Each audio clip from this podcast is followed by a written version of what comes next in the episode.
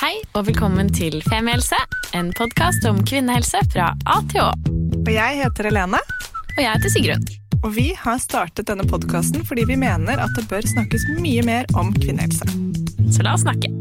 Hallo og velkommen til en ny episode av Femihelse. Hallo. Eh, denne episoden har eh, vi hatt lyst til å spille inn lenge. Det var faktisk et av de første episodeforslagene vi fikk, om ikke det første. Ja.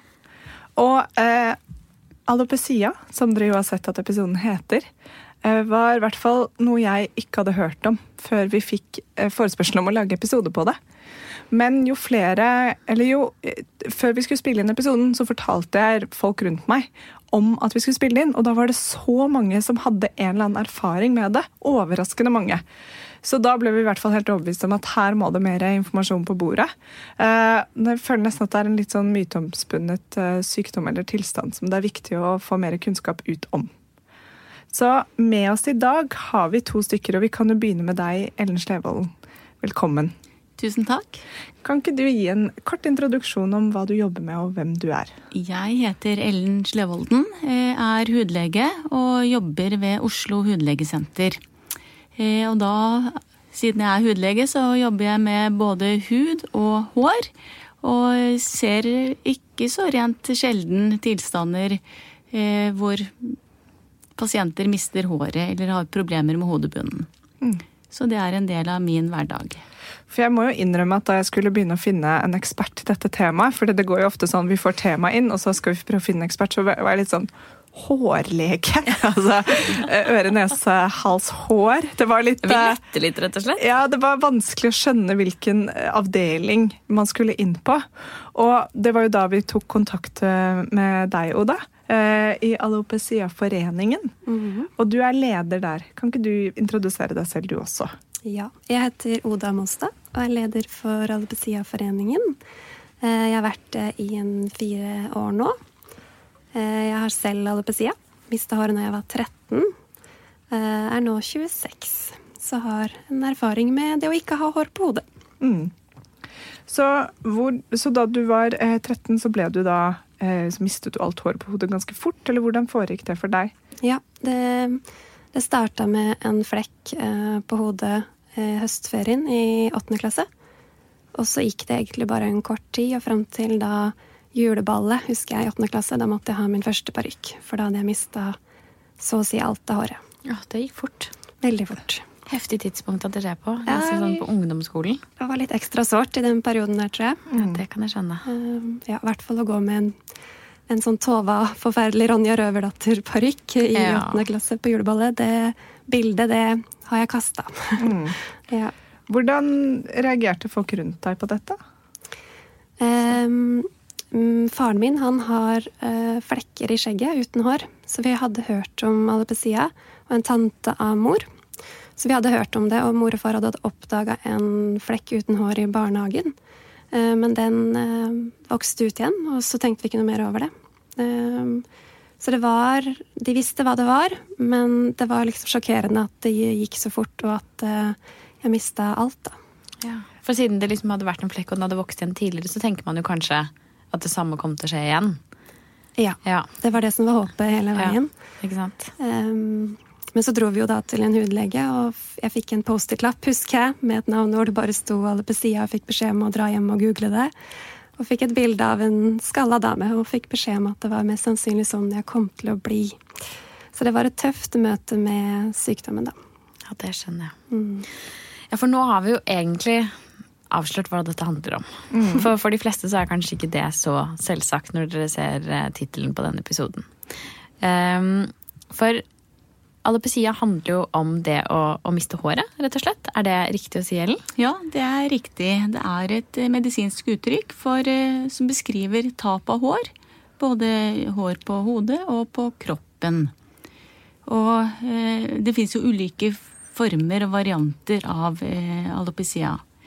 Eh, og som hudlege, når vi får inn en pasient som da har mistet eh, eh, deler av håret, så skiller vi mellom det som kalles arrdannende alopeci og ikke-arrdannende alopeci. Eh, og det som Oda har, er jo eh, den ikke-arrdannende alopecien. Og da eh, er det absolutt håp for at hårsekkene er bevart. Og Men forløpet er uforutsigbart. For hva er forskjellen på disse to formene for, for tilstanden eller sykdommen? Eh, det er, eh, du kan si Ved den ardannen alopecien eh, så blir hårsekkene erstattet med arrvev, så de går tapt. Så da, er det ikke, da får man ikke håret tilbake igjen. Mens ved den ikke-arrdannende alopecien så er ikke hårsekkene eh, tapt i utgangspunktet. Men har man gjentatte episoder, så kan det bli for mye betennelsesreaksjoner rundt, sånn at håret eh, ikke kommer tilbake. For hva er grunnen til at håret faller av i utgangspunktet? Eh, ja, årsaken den er ukjent. Eh, man vet at det nå er en autoimmun sykdom. Dvs. Si at eh, kroppens immunsystem, som i utgangspunktet skal beskytte oss mot infeksjoner, løper løpsk og begynner å angripe eget vev. Og ved alopeci så angriper den rett og slett hårsekkene. Og da er det bestanddeler i hårsekkene som immunsystemet oppfatter som fremmed og prøver å destruere. Og, men er det sånn at man alltid mister alt håret, eller kan man også miste flekker av håret, og kommer det tilbake, eller hvordan funker det? Ja, da har vi de forskjellige variantene. Den uh, varianten som heter alopecia areata, som er en flekkvis uh, flekkvise områder som, hvor man mister hår. Og så har man alopecia totalis, hvor man mister alt håret på hodet. Og så har man den varianten som heter universalis, hvor man også mister kroppshår. Ja. Hvilken er den vanligste av disse? Alopecia areata er den vanligste. Ja, Så flekkvis? Flekkvis. Ikke sant. Mm. Er det sånn at det er vanligere å miste håret på hodet enn på resten av kroppen? Det er vanligere å miste håret på hodet, ja. Det er ja, det. Ikke sant. Kanskje der det synes best også. Ja. Eller at man merker det mest. Ja, det er jo det. For Kan du liksom miste håret bare på armene eksempel, eller under armene, eller funker det ikke sånn? Eh, det fungerer vanligvis ikke sånn. Det, det er enten så altså starter det med alopecia areata, så kan det da utvikle seg til eh, totalis, eh, at alt håret på hodet forsvinner, og så videre til universalis, mm. hvor da kroppsbehåring også forsvinner. For det er jo en ganske sånn uh, synlig sykdom, Oda. Uh, når du ikke går med parykk, så ser man jo at uh, du ikke har noe hår. Og te, altså tenk, hva, Møter du mange som lurer på hva du har, eller hvorfor du ikke har hår, eller får du mye spørsmål om dette? Slik jeg stiller masse spørsmål om det akkurat nå. man får ofte blikk. Eh, medlidende blikk. Og jeg tolker det ofte dit hen at man tror at jeg kanskje har kreft. Eh, hårtap er jo veldig ofte Da tenker man veldig ofte på cellegift, eller at man har kreft. Da. Eh, så jeg får mange spørsmål om det. Om jeg har kreft, når jeg velger å gå uten parykk. Eh, svært få som kjenner til eller spør om jeg har alopecia. Det er ofte om jeg har kreft. Mm. Går du som regel med parykk?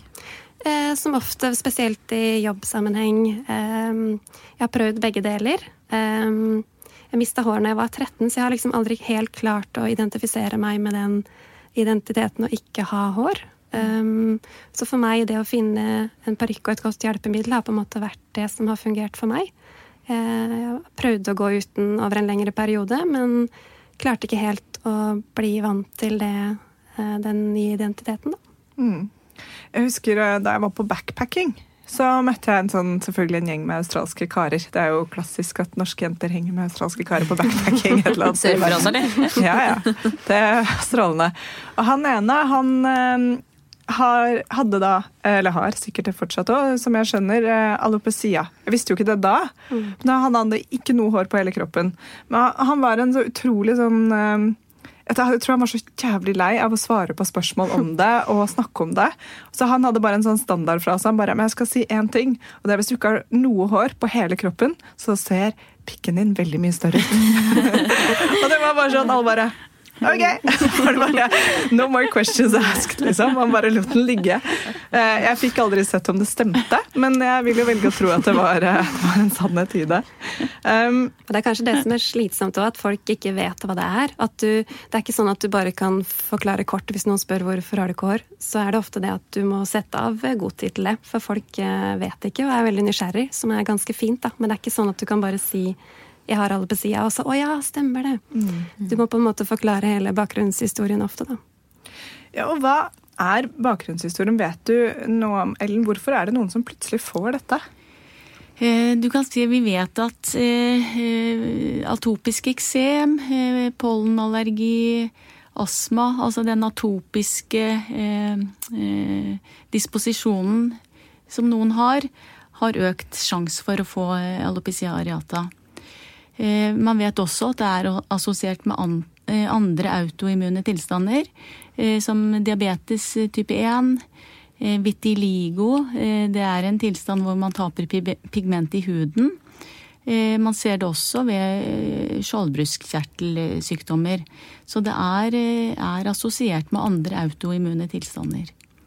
Kan det være assosiert med stress eller traume? Det ser vi også at eh, etter eh, altså infeksjoner eh, spesielt, eh, hvor kanskje immunsystemet er trigget, at det løper løpsk og også begynner å angripe eget vev, kan man se det. Og også etter altså stress. Men man har nok en predisposisjon i utgangspunktet. For altså, hvem er ikke stresset? Og, er jo, alle er jo stresset på et eller annet vis, men så er det noen som er mer sårbar for det stresset. Og noen får andre sykdommer, og andre får eh, alopeci, altså at håret eh, faller av. Altså Det ligger litt og lurer i systemet. Absolutt. På en måte. Ja. Ja. Vi snakket om det i episoden med herpes uten sammenligning for øvrig, men det er jo sånn hudtilstand at eh, de jeg kjenner som har det, når de får utbrudd, da er det sånn Nå er du sliten. Nå må du roe ned. Nå har du jobbet for mye, eller du har det ikke helt bra, eller ting skjer i livet ditt som gjør at du plutselig bare blusser opp. Og det er jo ikke akkurat det du trenger når du har det som verst, men det er jo et tegn på at kroppen nå den har ikke så mye mer å gå på, da. Ja, Det stemmer, og det ser vi ved veldig mange hudsykdommer. At eh, både atopisk eksem forverres ved stress, eh, psoriasis eh, forverres med stress. Og også tror vi at alopecia areata også kan opptre i, etter stressende perioder. Det er bare så synd at man da ikke kan snu det med mindfulness og yoga, på en måte. Fordi det er jo noe med at når det først har kommet til kroppen og er ute der, så er det ikke, det er ikke bare å slappe av og roe ned og legge om livet. Da er det på en måte eh, slått litt rot, da. Men går det over for mange? Ja, det er det det gjør. Så eh, vi vet at eh, altså over 60% av eh, de som opplever en alopecia areata, får tilbake håret sitt i løpet av et års tid. Så det er jo gode nyheter. Så spørsmålet er jo alltid da skal man behandle, eller skal man ikke behandle. Eh, Det fins jo ikke medisiner som kan kurere tilstanden, så, eh, men man kan ha noen eh, medisinske tiltak å, å tilby. Og hva er det? Man kan injisere eller sprøyte inn kortison i de hårløse flekkene. Man kan også smøre områdene med en kortisonkrem. Det vil dempe inflammasjonen og betennelsescellene som har samlet seg i området, og eh, kan da stimulere til gjenvekst av hår. Ikke sant. Hm. Er, det, er det genetisk? Eh, Det er nok en genetisk predisposisjon, sånn at noen er At det ligger latent hos noen og ikke hos andre. Og det samme er det jo med diabetes mellitus og andre autoimmune tilstander. Eh, Så er det liksom kanskje summen av flere faktorer da, som gjør at det bryter ut. Eh, Men det fins kanskje ikke en test for å liksom sjekke om man kommer til å få det, eller om man er disponert? Det kommer kanskje at man kan ha sånn eh, genetisk mapping, men jeg vet ikke om det er så lurt å gjøre og se hvilke For vi går nok helt sikkert rundt alle av oss med en disposisjon, predisposisjon for flere sykdommer, og vil man vite det? Nei, det er et godt spørsmål. Men du, du sa i stad at, um, at det er jo et spørsmål fordi mange får tilbake hår i løpet av et år. Og da er det et spørsmål hvorvidt man skal behandle. Kan det være dumt å starte en behandling? Eh, Det kan være dumt å starte med behandling, for altså, det er jo ganske smertefullt å få de små stikkene i hodebunnen. Eh, for barn egner det seg ikke. Eh, hvis man opplever veldig raskt eh, hårtap, eh, så kan man gi kortisontabletter for å prøve å bremse det. Problemet er at når man da slutter med de tablettene, så vil man oppleve hårtap igjen, pluss at kortison kan ha ugunstige bivirkninger for pasienten. Så man må da veie virkningen opp mot bivirkningene. Så Oda, Da gikk du i gang med behandling og prøvde å bremse det da dere oppdaget det?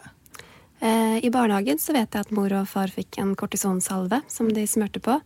Men eh, når jeg mista det på ungdomsskolen, så valgte vi å ikke ta noen form for behandling.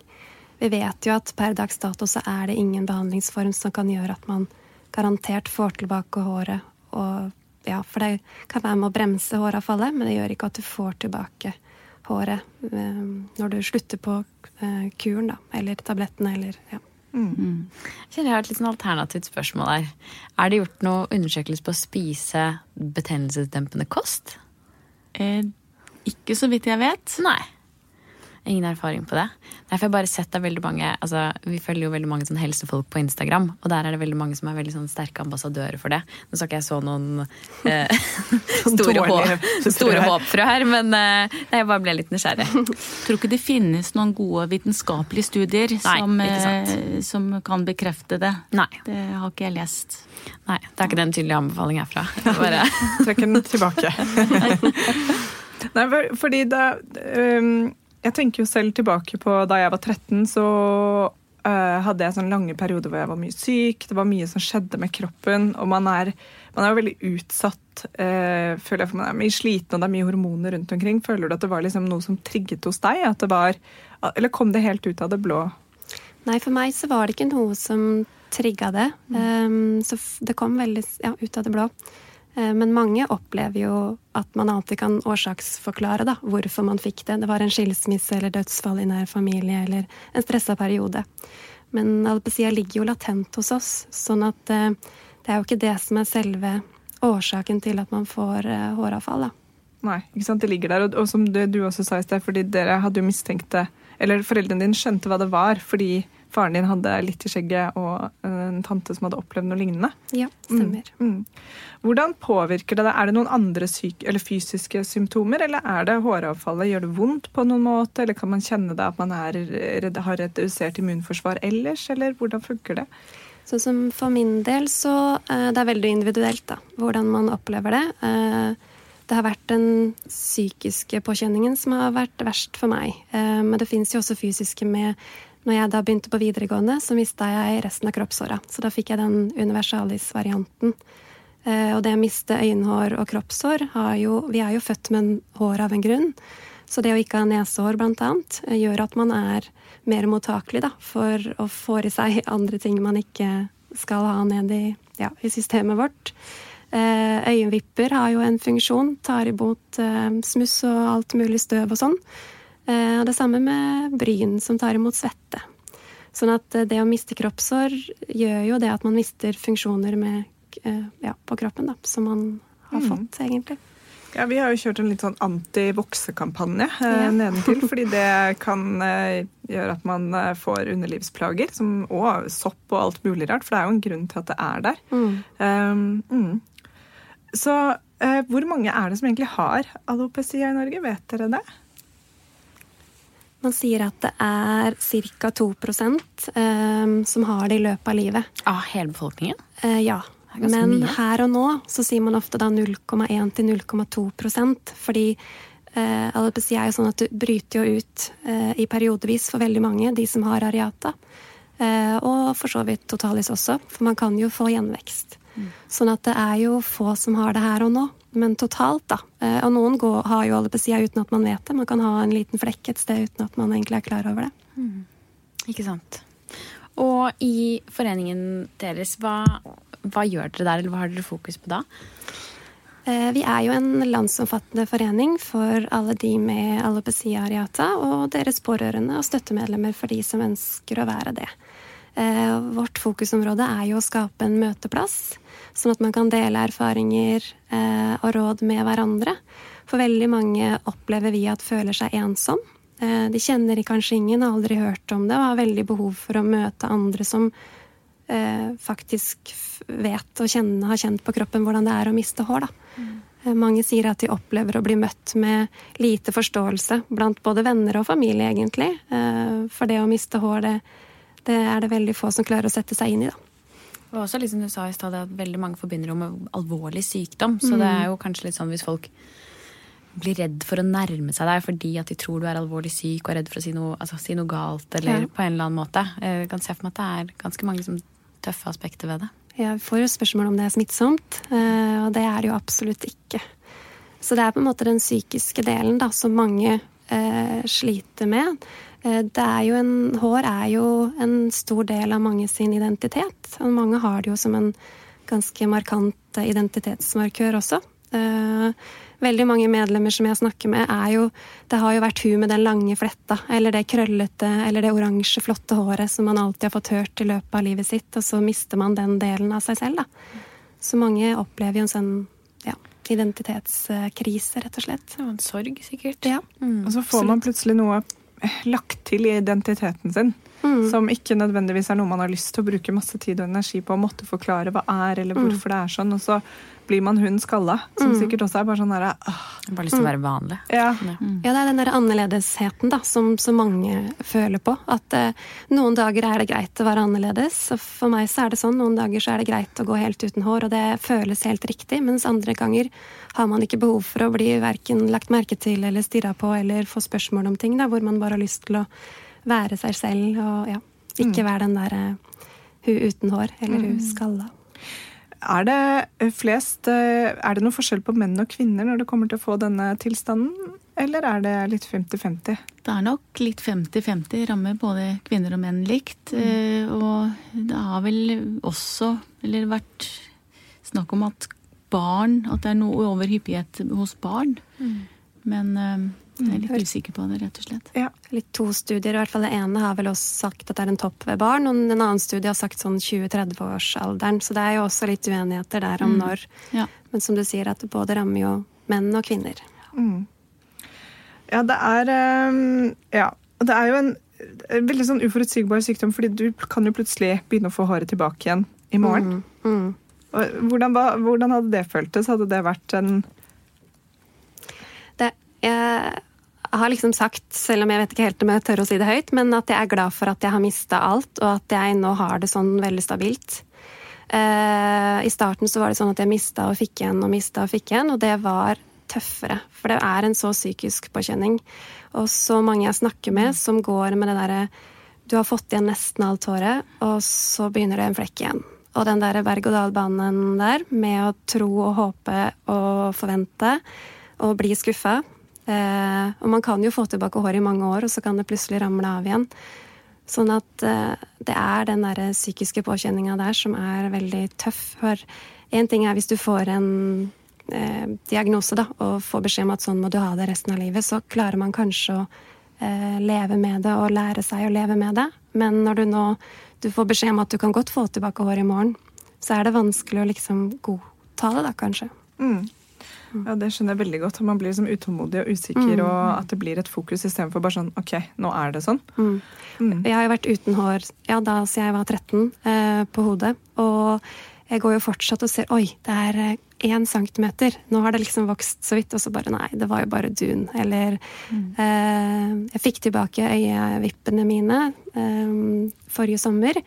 Og det var jo lykke for meg å få de tilbake, og så mistet jeg det igjen. Så det, mm. jeg bare kjenner på den lille der. Og det er det som er tøft for mange, da. Ja, det skjønner jeg sjukt godt. Det var kjempetøft. Um, har vi glemt noe da? Er det noe eh, ekstra som vi ikke, som vi ikke har stilt, snakket om? Jeg tenker bare kanskje det der aspektet med det å møte andre og eh, ta kontakt kanskje med oss. Eh, vi opplever veldig mange at de føler seg så ensomme. Eh, og det å liksom bare møte noen som faktisk forstår, hvor viktig det er. Og jeg husker det selv. Eh, jeg husker mor og far tvingte meg med i foreninga når jeg var 13. Jeg hadde ikke lyst og ble med da i barne- og ungdomsgruppa. Og det var det som redda meg. Mm. Så litt sånn eh, Man er ikke alene, da. Det å snakke med andre og ja. Mm. Og bare det at det er så veldig forskjellig hvordan man takler det. Noen er tøff og kaster av seg håret, og noen velger å gå med parykk, og mm. noen uh, har ikke sagt det til noen, og noen forteller det åpent. Så, så, det er så veldig forskjellig hvordan man har det da når man har alopecia. Det er ikke noe fasitsvar på det. Mm. Mm. Så er det jo viktig å komme til hudlege og få en, sånn sett, en diagnose også, fordi at eh, en diagnose utløser rettigheter i forhold til eh, hva man kan få i forhold til parykker og, og, sånn. Og da kreves det jo at man har en diagnose eh, for å få de rettighetene. Ja, så fint. Um, jo, nå skal vi få inn en gjest her, faktisk. Fordi uh, hun er hele årsaken uh, til at vi uh, fant ut at vi måtte lage denne episoden. Hun heter Benedikte, men er på Instagram best kjent under Hot uten hår. Nå hørtes jeg ut som en P4-programleder! Gratulerer, Du har kommet ett nivå videre i podkastverdenen. Tusen takk. velkommen inn i studio, Benedikte. Tusen takk. Det er så fint at du endelig kunne komme. Jeg føler vi har eh, hengt sammen på Instagram i over et år nå. Ja. Men du tok jo kontakt med oss ganske tidlig. Ja. Mm. Det var fordi at uh, jeg selv ikke ante hva alopecia var før jeg fikk det. Mm. Og når jeg fikk det, så tenkte jeg at hæ? Det her må folk få liksom vite mer om. Og som dere sa, nevnte i stad også, at uh, plutselig så hører du mange som vet om noen, eller jeg har møtt folk på fester eller i andre sammenhenger hvor de sier Vet du hva, jeg har aldri turt å si til noen, men jeg har hatt tre flekker i bakhodet så lenge og hatt mye vanskeligheter med det, og så kommer du hit uten noe hår. Ja. Eh, og nå var det mye lettere for meg å prate om det. Mm. så det var litt grunnen til at jeg tok kontakt med dere, da.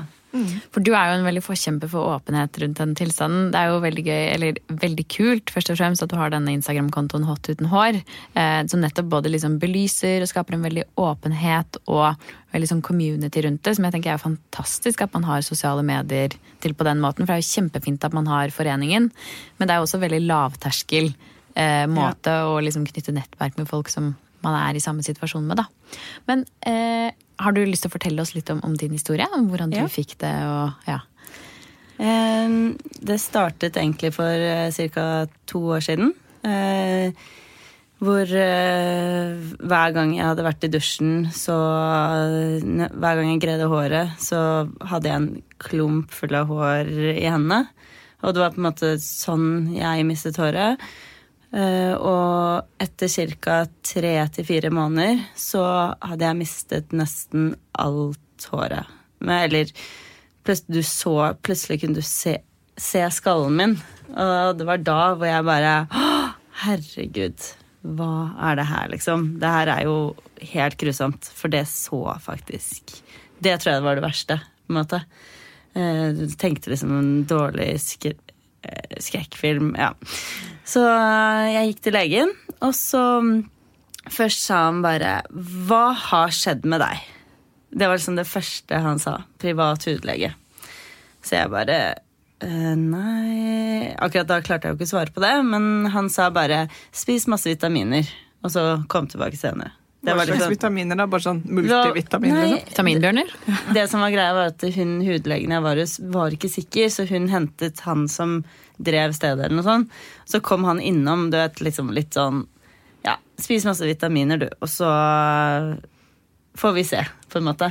Og da, etter det, så bare gikk jeg hjem, og så tok jeg kjøkkensaksen først, fordi jeg måtte jo bare gjøre liksom tulle litt med det her også, da. Og da begynte jeg å klippe meg litt sånn rart av meg håret. Og så måtte jeg bare sende en snap av den til venninnene mine, liksom. Eh, ja ja, nå går det her av.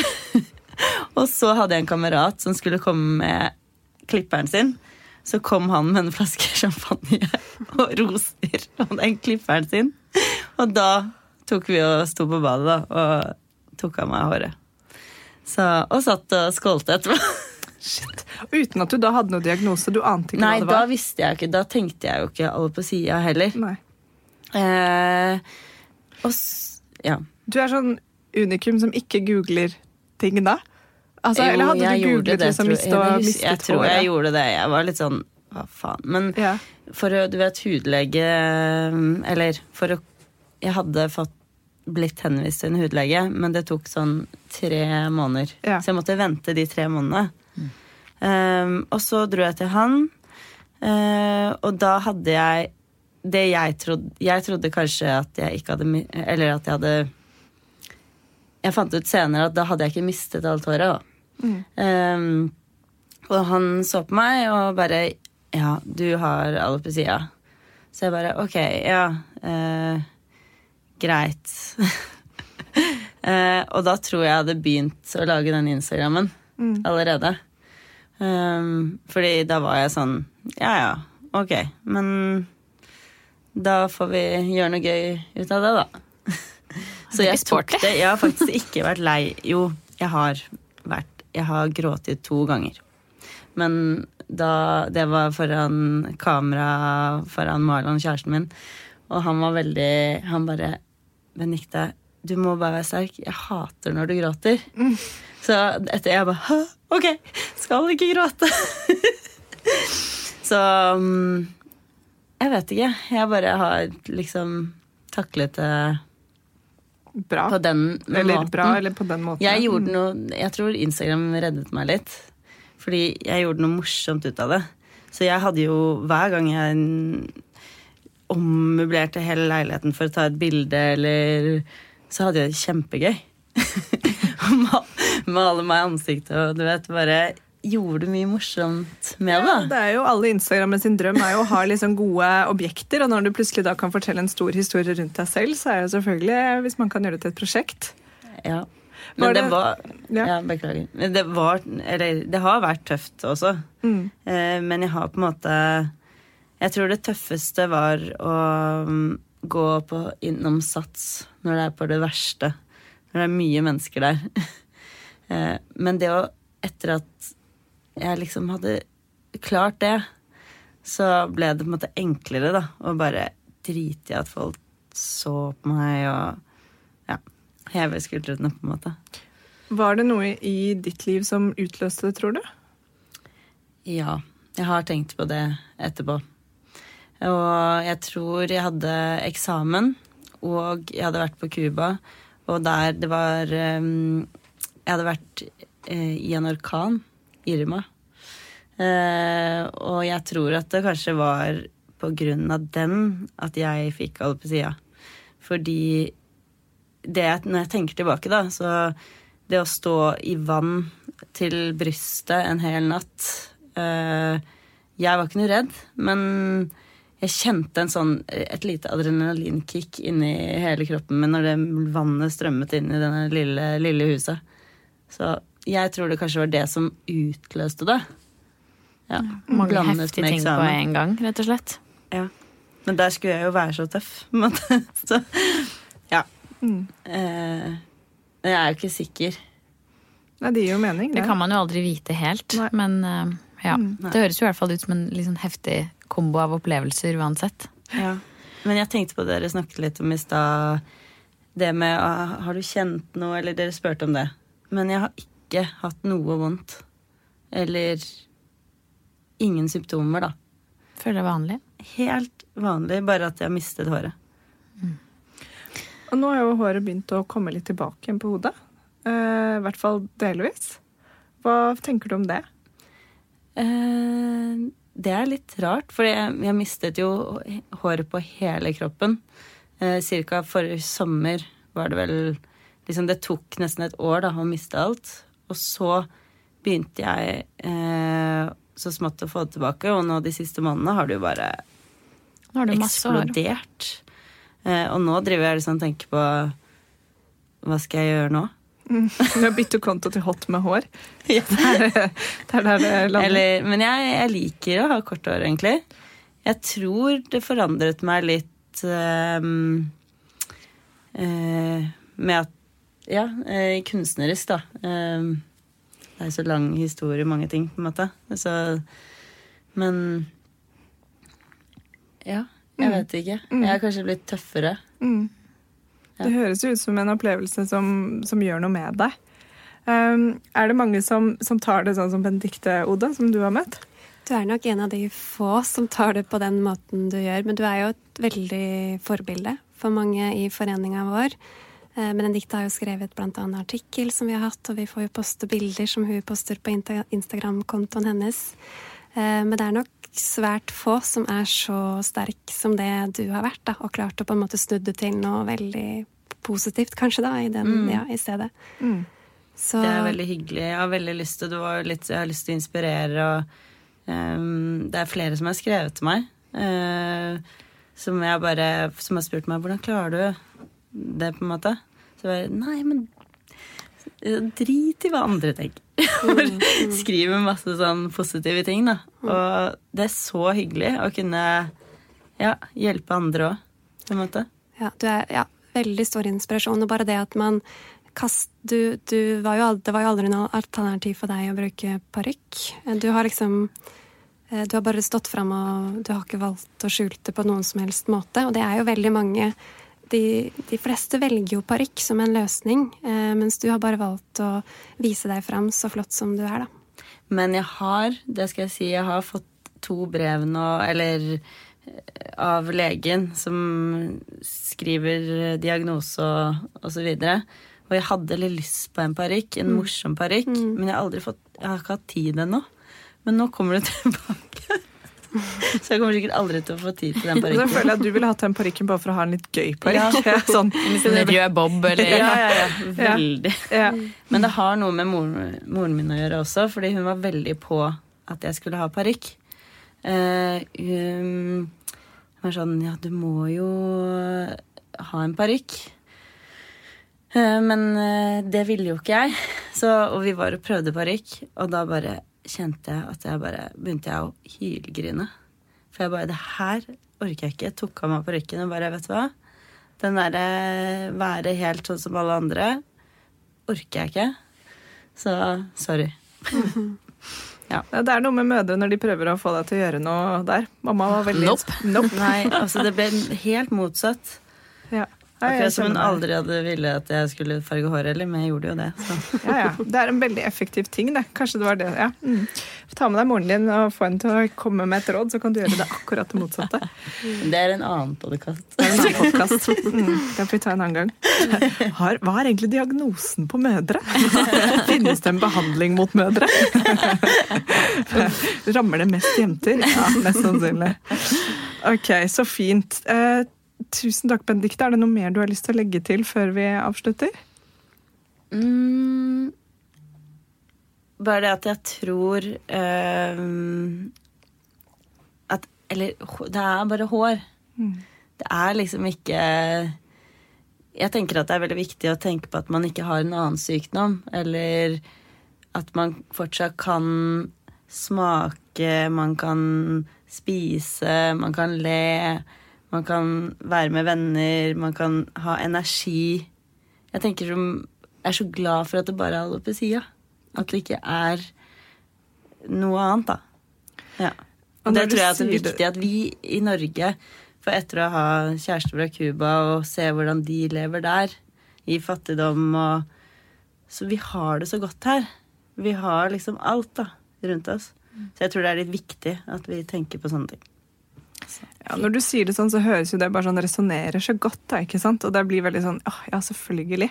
Eh, og så er det noe med Det er så ulike hva slags personligheter man har, og hvordan man tar sånne ting. Men uh, uh, veldig fint at Så klart. Ja, og, det, og, det, og det mener jeg virkelig at det er så utrolig kult at du greier det, for det er til inspirasjon. da.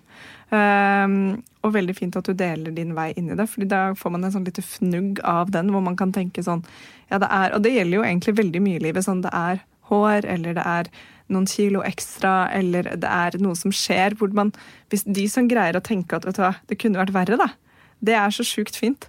Og veldig, veldig vanskelig. Så ja, creds til deg for at du greier, og helt forståelig til at man ikke alltid gjør det i livet. Mm, Tusen takk for at dere kom. Alle sammen. Ja. takk For at vi fikk komme, og takk Ja, for at dere setter hyggelig. fokus på det. Det betyr jo så mye for oss, det med åpenhet, og å få snakka om alle på sida. Ja. For det er eh, Ja, vi trenger å rope det høyt ut, og da trenger vi sånne som Benedicte som står og viser seg fram. Sånn at eh, takk til dere. Takk selv. Og neste gang noen spør hva det er, så bare send dem link til podden. Ja, Nå len deg tilbake. okay. Takk til deg som hørte på. tusen takk. Vi snakkes neste uke. Ja. Ha det! Tusen takk for at du hørte på podkasten vår. Selv om det forhåpentligvis kommer tydelig frem, så vil vi understreke at vi ikke er helsepersonell. Ja, så som vanlig, kontakt legen din om du har noen spørsmål, eller om du skal begynne på noen form for behandling. Og har du et tema som du har lyst til at vi skal snakke om, eller noe ris eller ros, så send oss gjerne en melding på Facebook eller på Instagram. Der finner du oss under Femihelse. Og du kan gjerne rate oss på iTunes, det er skikkelig hyggelig for oss. Ha en fin dag! Ha en kjempefin dag!